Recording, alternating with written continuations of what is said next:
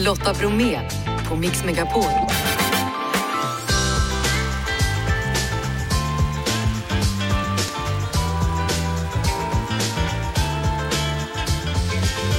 Hallå där och varmt välkommen in till oss denna måndag. Starten på en ny vecka, självklart med 100% julmusik. Hälsingland har fått eh, en ny högsta punkt, det meddelades så här på den internationella bergsdagen. Jag tipsar om en bra podd och Jessica Frey har mer och fler godsaker från sitt julbord. Vi har en ostvinnare och så tävlar vi ut ett årsabonnemang på Disney Plus och så har vi biljetter till Peter Jöbacks julkonsert. Dagens gäst är Emily Persson, flickan från donatorskandalen och så hör vi om någon nu vinner pengarna eller inte då i kassavalvet. Jeff, är du redo? Ja. Grattis till dubbelvinst. Janne, Jajamän. grattis till vinst varje dag. Nu kör vi! Välkommen till Mix Megapol, Emily Persson. Tack. Vem är jag, flickan från donatorskandalen på Storytel? Hur skönt var det att du fick den nerskriven? Det har varit både skönt och jobbigt egentligen för att man har ju fått eh, rota i bitar som man nästan hade förträngt liksom. Hur förstod du att inte allt var så som du trodde det var i ditt liv? Alltså, jag tror att alla någon gång har frågat sig vem man är. Det gjorde ju även jag. Att det här var svaret jag skulle få, det hade jag inte kunnat vänta mig liksom. Dina föräldrar hade inte bruna ögon, men du hade bruna ögon. Du hade ett ganska så hetlevrat temperament Ja. och mörkt hår. Och du tyckte inte det stämde där? Nej, och det var väl mest hur jag var eller så i sättet hur jag var. Jag ifrågasatte nästan allt och eh, vilket ingen annan gjorde och jag var inte så lugn som de andra var och sådär. Eh, men när jag var 15 så fick jag veta att jag då var ett donatorbarn.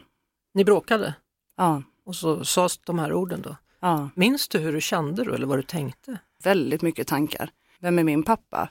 Eh, min bror är han bara min halvbror. Min mamma, ja hon är min mamma. Men det var väldigt mycket frågor. Är jag ett jävla provrörsbarn? Hur kändes det? Eh, Jag blev ju jättearg.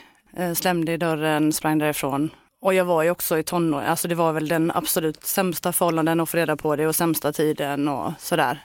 Och vi valde att behålla det inom familjen då som en hemlighet. Jag, jag behövde inte veta där och då. Nej. Eh, För pappa var ju min pappa och det kommer han ju alltid att vara ändå. Det här med att ta reda på vem som var din biologiska pappa, det tog några år innan det pockade på och blev viktigt. Jag hamnade i en personlig kris som eh, gjorde att jag ställde mig en hel del frågor om vem jag var, eh, vem han var och vad jag hade fått för sidor från han. Och, Vad hade du för samtal med, med dina föräldrar, de du hade vuxit upp med? alltså mamma har ju stöttat mig hela vägen. Eh, Hon har stått bakom mig alltid. Det har väl varit jobbigare för pappa då eftersom att det var han som vi höll den här hemligheten för då för hans skull. Men ni kom ingen vart? Nej, eh, vi kontaktade sjukhuset, mamma först då, 2004. Då säger de att det finns inga uppgifter. Och sen eh, när jag hamnade i min kris, slutet på 2017, där början på 2018, så, så sa mamma att jag kan ringa till sjukhuset först och se. Och hon fick ju samma svar även denna gången, att det finns inga uppgifter. Där och då tänkte jag väl att hon, hon har ingen laglig rätt att få ut uppgifterna, det är bara jag som har det. Då tänkte jag väl att om jag kontaktar dem så kommer jag få ut uppgifterna. Så får jag bara svaret att det finns inga uppgifter. Jag blev så chockad när jag, när jag, jag förstod liksom inte riktigt vad hon sa. Och sen när jag förstod vad som hände så ringde jag tillbaka igen liksom och ifrågasatte det. Hon beklagade och sa att det finns inga uppgifter, det finns inte ens en journal på att eh, din mamma har varit här. Liksom. Det var nästan som att är du säker på, på det? Jag försökte på egen hand först och driva ärendet, vilket inte var så lätt. Jag var ju väldigt ensam om detta och ja, jag kontaktade de instanserna som jag kunde helt enkelt, men det var tyst. Eh, sen fick jag kontakt av en tjej som heter Felicia som hade varit med om en liknande situation och fick lära sig att släktforska helt enkelt för att kunna hitta sin biologiska pappa. Och hon hjälpte även mig ett tag. Sen blev vi kontaktade av Lisa Jarenskog på Uppdrag granskning. Ja, för Uppdrag granskning hade gått igenom de olika anmälningarna till justitieombudsmannen och sen hittat ditt fall där, om vi ska kalla det för det. De hade hittat det via en annan tjej när de gjorde ett annat program som också var, hon hade inte heller fått ut sina uppgifter då. Hur berättade de för dig? Det var ju en ganska lång process eftersom att de, eh, hon hade ju hjälp av Fredrik Meister då som är släktforskare.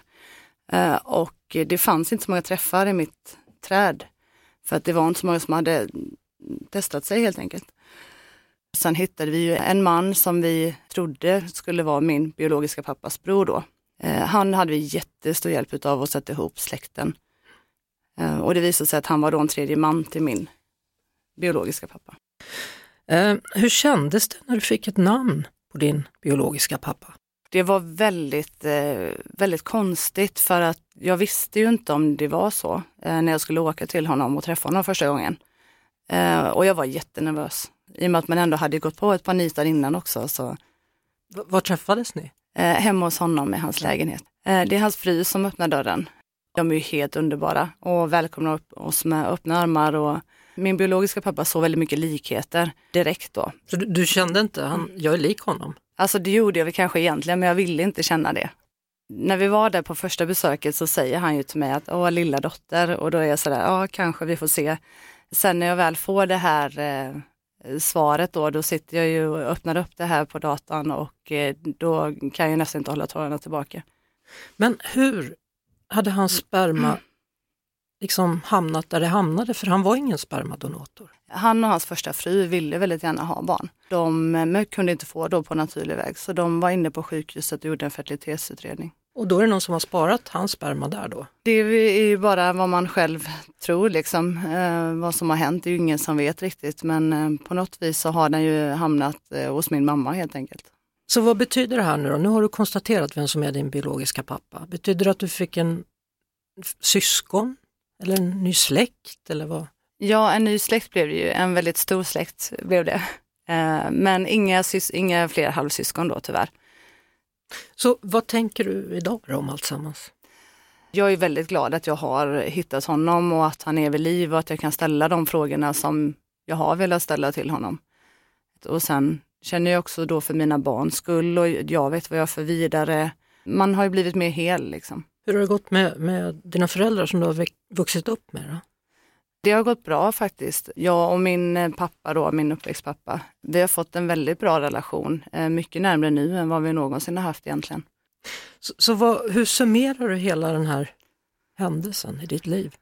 Det har ju varit en väldigt känslostorm i allt det här. Jag var så målinriktad på att hitta honom och när jag väl gjorde det så uppdagades hela skandalen. Nu är det liksom en annan kamp som man driver då och gentemot de ofrivilliga färderna och allt detta med. Jag känner ju mig hel i mig själv liksom. Sen tycker jag ju fortfarande att det som har hänt är ju fruktansvärt fel. Men ditt lilla hörn är i alla fall helt nu? Ja, det är det. Och han som sagt, det, det kunde ju inte bli bättre. Och mina barn sa ju också det efter jag hade träffat honom första gången att eh, hoppas det är han liksom för att han är väldigt varm och väldigt mysig människa. Emelie Persson, stort tack för att du kom till Mix Megapol.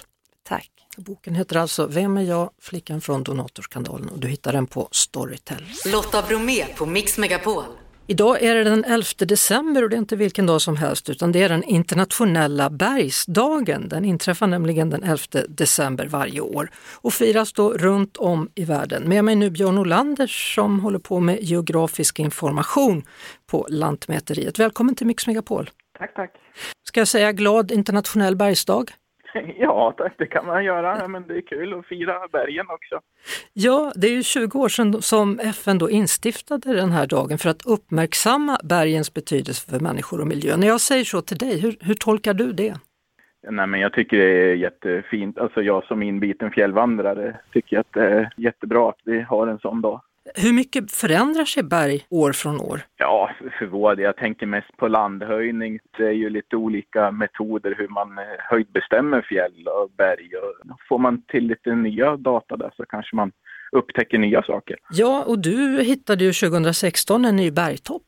Ja, det var väl ett fjäll eh, strax norr om Kebnekaise där som man under en period eh, trodde var under 2000 meter men sen så visade det sig i i vårt laserdata som vi samlade in då att den var faktiskt 2004 meter. Så det blev en tolfte, tolfte topp över 2000 meter i Sverige. Hur många har hittats av dig? Ja, det, det, var den. De andra var kända sedan, sedan innan. Nu kommer det då idag nya uppgifter om Hälsinglands högsta punkt. Ja, jo, nej men det är ju så att eh, tror de flesta som pratar om Hälsinglands högsta punkt tänker på Garpkölen där har det visat sig att eh, sen när jag har kikat lite grann, jag upptäckte att det finns ju ett namn i kartan som heter Granåsen. Över den topp, alltså den punkt som är faktiskt är högst. Eh, och då visar det sig i, i äldre dokumentation att Garpkölen syftar inte på den toppen utan på en, en del söder om. Så att Granåsen är ett helt fristående berg har vi kunnat konstatera. Och Granåsen är just den högsta, högsta punkten, högsta berget. Så det är andra gången du gör en sån upptäckt? Ja, det kan man väl, eller ja, om det är ett förtydligande kanske. Jag tycker upptäckt låter ju mer spännande, tycker inte du? Jo, jo, men vi kan säga upptäckt. ja. Jag har, har ju rätt ut det här i alla fall. Och sen så har ni skickat ut då en lista för den högsta punkten då inom varje landskap i Sverige. Är ja. det någonting mer som är nytt på den listan i år? Eh, nej, utan det, det, enda som har hänt i så fall det är väl kanske att det kan vara lite landhöjning, det kan vara lite hur man har mätt tidigare. Så mm. det enda är att det, det, kanske skiljer någon meter och ofta är det ju en meter uppåt i höjd. Så hur högt ska någonting vara för att få kallas berg? Oj, det var en liten svår fråga. Jag har hört liksom någon, sån här, någon definition att det ska vara 300 meter högt, men om det gäller för här i Sverige också, det, det vet jag faktiskt inte. Det är väl kanske lite mer till var och en om man tycker det är ett berg. Visst fanns det en film som hette Han som gick upp för en kulle men kom ja, ner från ett berg? Exakt. Det var väl lite den jag tänkte på, för de har ju, nu kör ju de eh, i feet istället för meter, men jag har för mig att eh, omvandlar man det ungefär så blir det väl cirka 300 meter. Är det en sån film som du som geodatasamordnare på Lantmäteriet älskar?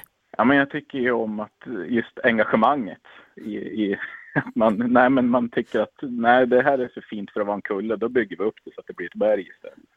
Så det är ditt tips till jultittning kanske? Ja, absolut. Ja. absolut. Härligt, då fick vi ett sånt också på köpet. Det, vad var den hette nu ändå så vi får det korrekt? Mannen som gick upp för en kulle och kom ner från ett berg. Stort tack för att du ville vara med och berätta om de här upptäckterna då, Björn Olander. Ja, men tack själv. Och ha en god jul. Tack detsamma. Hej. Hej, hej. Lotta Bromé och den perfekta mixen på Mix Megapol. Och för ett litet tag sedan så undrade jag om du kunde gissa vilken film eller serie som det här klippet kommer ifrån. Nu så. Gör inte sådär. Håll still! Det gör ont! Om du höll dig stilla skulle det inte göra så ont. Och hade du inte sprungit iväg så hade det här inte hänt. Om du inte hade skrämt mig så skulle jag inte sprungit iväg. Men du borde inte varit i den västra flygeln. Och du borde lära dig behärska dig. Hallå, hallå, Marcus i de västra delarna av Sverige. Hur är läget? Jo, men det är bara bra. Ja, var, var ringer du ifrån? Jag ringer från Nygård eh, strax utanför eh, Göteborg. Det låter annars som du är västgöte du. Du, jag kommer faktiskt från samma stad som du, Skövde. Ja, Skövde. Jag visste att det var något skövdiskt med dig, vet du. Jajamän. Jajamän. Vad sökte vi för serie eller film idag, Marcus? Jag tror att det är Skönheten och odjuret. Du tror alldeles rätt. Det där ja. Japp, och det betyder att du vinner ett premium årsabonnemang då hos Disney+. Plus. Tack så jättemycket. Hur kommer det sig att du kunde just den här då, Skönheten och odjuret? Det blev faktiskt så att vi, jag och min sambo, eh, vi har ju fått en liten pojke nu så att eh, vi kollade på den inte för allt så länge sedan. Så det var att, ja, minnet var uppfräschat kan man säga. Ja, det var det verkligen då. Hur gammal är pojken då? Pojken han är tio månader. Och han kollar... Och riktigt ja, och kollar på Skönheten och odjuret. Precis, det här är mest min sambo som är Disney-fantast. Så att eh, de flesta Disney-filmerna har de, de kan man utan till. Ja, ja, då har du en fin julklapp att ge henne då när du kommer hem så småningom här idag. Ja, men det har jag absolut. Mm. Hälsa sonen och stort grattis och eh, god jul då, din gamla Skövdebo. Ja, detsamma. Tack så mycket. Tack så god jul på dig. God jul. Hej, hej! Aha, hej.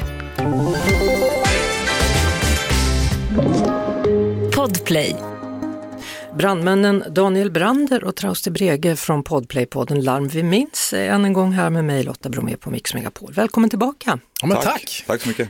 Ja, nu är vi ju i juletider och det brukar innebära många bränder. Hur tänker ni? Vi eh, tänker väl lite grann på det här med eh, levande ljus framförallt. Man kanske borde ha en liten regel för att den som tänder ljuset även ansvar för att släcka ljuset. Alltså det kan vara väldigt fint med levande ljus i julgranar och sådär. Men vi har ju båda samtidigt varit på många larm där eh, de här ljusen har tagit sig i granarna. Så vi vill verkligen rekommendera att inte göra det. Ja, Utan verkligen. istället ha elljusbelysning. Det är inte en bra kombo alltså. Den bästa platsen för ett levande ljus kanske är en snölykta då, utomhus. Ja, Och verkligen. Faktiskt. J- Jättebra idé. Är det något annat man ska tänka på i juletid? Jag kollade upp lite grann om det här med eh, vad för olyckor och händelser vi åker på kring jul. Det visar sig faktiskt att statistiken för bränder i kök ökar. I långkok, man kanske lagar någonting över natten. Dels så kan det bli en torrkokning då. Men det kan också vara så att man har glömt att göra rent sin spisfläkt på länge. Och att fettet i spisfläkten faktiskt tar eld av Exakt. värmen. Vad bör man ha hemma ifall det skulle bli en brand? Ja, först och främst ska man ju ha en fungerande brandvarnare, eller flera. Helst byta batterierna. Man ska kolla att de fungerar i alla fall. Sen handlar det om att ha en brandsläckare, minst 6 kilo pulversläckare, kanske en brandfilt, ha i köket. Man kan eh, snabbt slänga över eh, en brinnande kastrull. Det är ju ganska bra julklappar om man nu inte vet vad man ska ge bort annars. Det är verkligen det. Ja, verkligen. Och idag finns det ju som brandsläckarna har blivit väldigt st- stylish. Filtarna med tror jag. Ja, men Ja. säkert. Eh, Imorgon så har ni då ett specialavsnitt inför julen och då får ni frågor från både Mauri och eh, David Sundin bland annat. Vad undrade de? Ja, Mauri hade väl en eh, liten neurotisk sida som är väldigt intressant. Eh, Just kring eh, elsaker man har hemma. Ja, allt som är inkopplat tyckte han väl var lite läskigt kanske. Ja, Eh, Som David, han var ju lite mer inne på om det är bra att, att allmänheten hjälper till vid larmen. Om vi tycker att det är bra eller dåligt. Eh, Stort tack då Daniel Brander och Trausti Brege från Podplay-podden Larm vi minns och ha nu en jätteskön jul båda två. Tack detsamma. detsamma till dig Lotta. Du lyssnar på Lotta Bromé på Mix Megapol. Hörrni, förra veckan så utlyste vi en rimtävling vad gällde ost och ett stort ostpaket då från Falbygdens osteria. Klassisk cheddar med kanellikör, julost, en klassisk sådan, Stilton, ädelmix med färskost och konjak och pepparkakor och polkagrisost och så vidare. Du skulle rimma på julosten. Vinnare av detta stora ostpaket är Tess i Slätafly. Hur är läget? Jo men du, det är fint själv. Jo, det är bra. Jag har ett väldigt fint julklappsrim på ost framför mig. Ja just det. Hur länge har du rimmat? Vi har alltid rimmat eh, hemma på julklapparna, i alla fall på någon sedan jag var liten. Så får alla läsa upp det och så får man gissa. Det är jättekul. Och den här gången så rimmade du då alldeles utmärkt på ost. Har du rimmet där? Ja, jag kan ta fram det. Det var faktiskt inte bara jag utan det var min 16-åriga son också som hjälpte till på ett litet hörn med det här. Jaha, då får han hjälpa till att äta osten sen också då, tänker jag. Precis. Ska jag läsa rimmet då? Ja, gärna. Mjuka värmande paket i all ära. Men den här klappen kan du inte bära. På många sätt går den att kombinera, men hur du än gör vill du alltid ha mera. Nej du, bra gissat, men det är inte choklad. Det är något som gör dig ännu mer glad. Mjuk och krämig, distinkt eller salt. Med denna på bordet har du lite av allt. Mjölk och löpe har hanterats varsamt utan stress. Välj själv hur du avnjuter denna delikatess. Ja du, julhälsningar till dig Tess och sonen. Självklart så ska ni ha ett ostpaket som kommer täcka alla era behov över julen. Ah, fantastiskt. Tack så mycket. Tack, tack. Tack för ett väldigt fint rim. God jul på dig! God jul, god jul och tack. Lotta Bromé på Mix Megapol. Varmt välkommen tillbaka! Snart ska vi öppna en lucka i vår julkalender. Det är alltid lika roligt för jag får alltid höra så bra rim från vår rimkung Janne. Så också idag den 11 december. Nu är det dags att rimma på dagens lucka. Varsågod Janne! Tack. Gjort den lite enkel idag eftersom det är måndag tänker jag. Ja, Den kan vara mjuk men också hård. Precis som Harrison Ford. Riven och so som stock funkar utmärkt som plock. Den har en given plats i våra hus. Lika älskad är den av vår mus. musen är inblandad här också. Spännande! Om en stund öppnar vi julluckan, luckan i vår julkalender. Vet du vad det är? Jag tror jag har en aning. Vi får se om du eller jag har rätt. Nu säger jag hallå hallå Pernilla i Ystad. Hej! Hej du, hur är läget? Eh, Tack, det är bra. Ja, hur står det Roligt till? att prata med dig. Ja, kul att prata med dig också. Hur, hur har ni det i Ystad? Hörru? Eh, här är fint, lite regnigt, Ja. men eh, bra. Blir det någon vit jul tror du, eller är det det ni är liksom skapade för, skåningar? Ja, jag ärligt talat hoppas på att vi inte får mer snö, för vi har haft det nu en vecka och det har precis försvunnit och det Ja. var lite besvärligt. Så ni tycker att det räcker en vecka? Ja, lite så. Det är Ja. lite jobbigt att eh, ta sig till jobbet och skolan. Så. Ja. Du, kunde du sjunga med i låten tro? Absolut. Ja, Feliz Vi har Navidad. julmusik på hela tiden. Vi älskar julmusik här Ja, men vad hemma. bra. Och nu vinner du också biljetter då till Peter Jöback i Malmö Yay! på fredag. Jag är superglad. Vem ska du ta med Tack dig? så hemskt mycket. Du, jag tror jag kommer ringa min bästa vän Th- Therese direkt och Ja. höra om hon hänger med. Vi älskar Peter Jöback. Ja, men då kommer ni få en toppenkväll. Ja, superbra. Ja. Hälsa Tack Ystad mycket, du. och stort grattis du, kul att prata med dig. Tack. Ja. Tack mycket. Hej, Hej då. Från oss alla till er alla.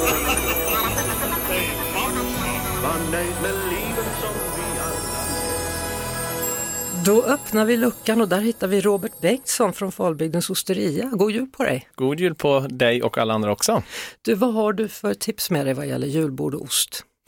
Jag tänker väl egentligen att man absolut inte får missa julosten och just att man även tar fram den lite senare när man känner att mättnaden går ner med allt annat så kan man plocka fram den lilla ostbiten ur kylen och sitta och knapra på kvällningen tänker jag. Hur länge ska osten stå i rumstemperatur för att bli riktigt bra? Det bästa är att man har den framme typ ett par timmar. Det kommer fram väldigt mycket andra smaker i den då så att eh, absolut ska den stå framme ett par timmar. Det passar extra bra på jul tänker jag när man har tiden.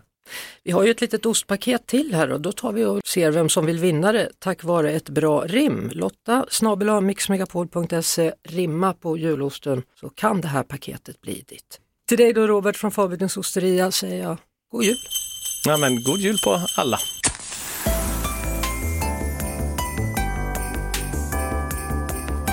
Jessica Freys julbord här på Mix Megapol och vi närmar oss ju Lucia. Vi har ju tidigare pratat om hur man bakar pepparkakor med lussebullarna då. Ja, och då har jag lite generella tips här till er som ska baka. Dra ner mängden jäst. Vanligtvis så står det 50 gram jäst i recepten och det är väldigt mycket jäst. Det är bättre att kanske ta en fjärdedels paket jäst så att det inte blir så mycket jästsmak. Och sen så står det ofta att man ska värma mjölken och smälta smöret. Men det blir mycket bättre att köra på kall mjölk och rumsvarmt smör så får degen jäsa längre. Det är ungefär som du tänker med långkok. Att du kan ju inte stormkoka ett långkok i 30 minuter och, och tro att det blir bra utan det blir ju mycket mer smak om det får koka längre. Och så är det med jäsdegar också. Det blir godare smak om de får jäsa länge. Så att låt degen jäsa länge och ha kall mjölk och rumsvarmt smör så kommer det lyckas. Så blir det mycket saftigare också. Mm, saftigare och godare bullar. Kan man lägga i kvarg också? Kvarg kan man lägga i. Det är dock en myt att det gör dem saftigare. Då har vi tagit död på den Ja. myten.